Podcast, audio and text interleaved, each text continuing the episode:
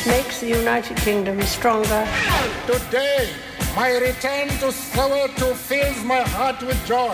Ladies and gentlemen, welcome to London Heathrow's Terminal 5. Bon dia, Joan Carlin. Bon dia, Roger Escapa, què tal? Molt bé, molt bé. Um, estàvem mirant el calendari. Demà farà 77 anys de la final de la Segona Guerra, del final de la Segona Guerra Mundial a, Europa. Um, se celebra el Dia de la Victòria aquest any, amb, evidentment, amb la mirada posada a, a Ucraïna, perquè a, aquest 9 de maig, normalment, Vladimir Putin també s'acostuma a fer un, un bany de masses per ensenyar múscul militar cada any, no? Sí, un baño más hasta lo bestia, con, un baño de, tanques y misiles y de todo por ahí desfilando por, por Moscú. Sí, es el, el, el, lunes, el día 9, es el día de la victoria, que es, es el día patrio en, en, en Rusia. Eso es lo que más celebran, es eh, de lo que más están orgullosos de todo lo que han hecho en el siglo XX, que es, eh, eh, bueno, ganar la, la Segunda Guerra Mundial, derrotar a los nazis.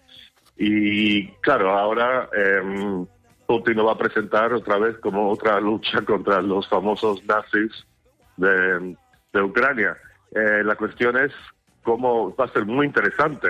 Va, va, a dar un discurso, entiendo, y a ver cómo presenta el Día de la Victoria en el contexto de, de Ucrania. Parece que lo único que realmente puede celebrar, y celebrar muy entre comillas, es la, la toma, la conquista o la casi conquista de esta pobre trágica ciudad de, de Mariupol, uh -huh. eh, una ciudad de 400.000 habitantes que está prácticamente destruida, se ha convertido en escombros, con la ironía de que es una ciudad en la que la, la gran mayoría de la gente son rusoparlantes, con lo cual es una especie de, de suicidio, destruir la ciudad, matar a seguramente decenas de miles de personas. Más allá de eso, eh, es muy difícil ver qué victoria va a proclamar. Aunque, claro, nunca hay que subestimar la capacidad de Putin de, de mentir i exagerar. Mm.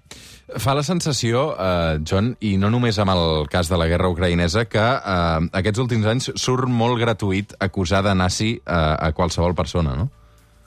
Bueno, sí, bueno, es algo que, que, que se hace mucho en, en Twitter, por ejemplo, ¿no? O sea, o sea, dices que los catalanes independentistas son los nazis. Los, de aquí dicen, independentistas dicen que, lo, que Madrid es un régimen nazi, por ejemplo. O sea, no, se dice a nivel oficial, pero mucha gente eh, demuestra muchísima ligereza en el uso de este término, lo cual yo siempre encuentro muy ofensivo y insultante a, a, a, a, los, a, las víctimas del nazismo y principalmente los 6 millones de judíos que murieron en el holocausto. Hay que tener un poco de, de, perspectiva. Pero bueno, una cosa es que los tuiteros anónimos digan semejantes burradas. Otra cosa es que lo diga, lo diga el presidente de un país que és una de les dues grandes potències nucleares del món.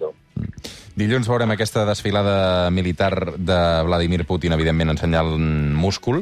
Al Regne Unit, com, com se celebra el Dia de la Victòria? Perquè eh, també nada, és un... No sé res, ¿no? Nada, nada. Que, que yo sepa, no hay, no hay ningún día especial. O sea, celebran, eh, creo que es en junio, el día de lo que ahí llaman The Battle of Britain, y creo que aquí llaman la batalla de Inglaterra, que es cuando la, la Fuerza Aérea in, logró impedir lo que pretendía Hitler, que fuese una invasión a, a Reino Unido, pero eh, no existe ese mismo eh, triunfalismo y no sé, no sé si se celebra algo a, a nivel así más local, pero digamos desfiles de tanques y i misiles per Londres eh, no lo vas a ver, no? 77 anys del final de la Segona Guerra Mundial i, i, i arran del que està passant a Ucraïna, eh, també, el, especialment al principi, s'especulava molt amb, amb aquesta tercera guerra mundial, no? Eh, cada cert temps fa la sensació que, com a humanitat, tenim tendència a invocar aquest perill per, per, perquè la cosa evolucioni, no?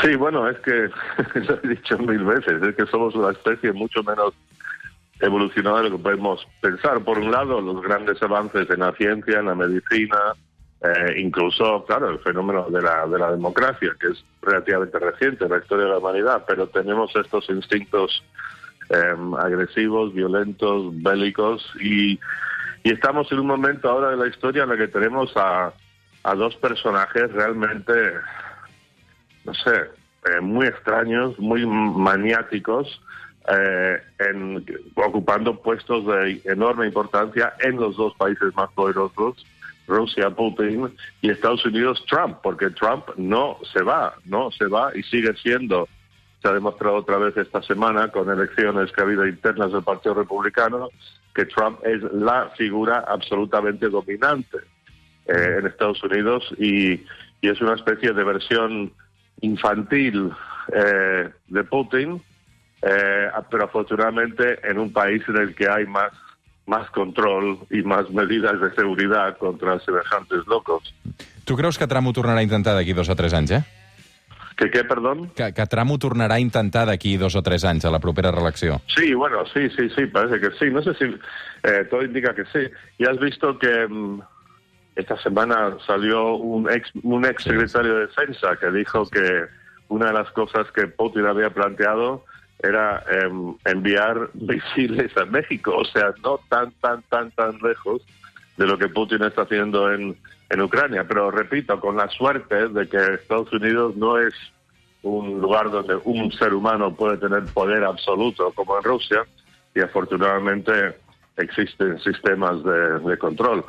Um, y también, claro, hay otra cosa, que hay que, que tienes un, un, presidente débil en, en Biden, que, que, hay muchos rumores sobre su salud. Y también, claro, no olvidemos, hay muchos rumores sobre la salud del propio Putin. Está todo muy, muy volátil, muy incierto el mundo. Mm -hmm.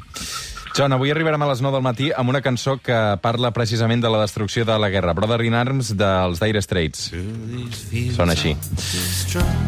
Que tinguis un bon, un bon dissabte. Un altre dia comentarem la, la derrota de Nadal, perquè és que sembla que, que té de relleu ja, eh? Es un momento, creo, importante, un, un, un, un hito, un momento en el que todo, que un antes y un después. Alcaraz tiene una pinta brutal. Sí. Extraordinari. Uh, Joan Carlin, una abraçada, bon dissabte. Una abraçada.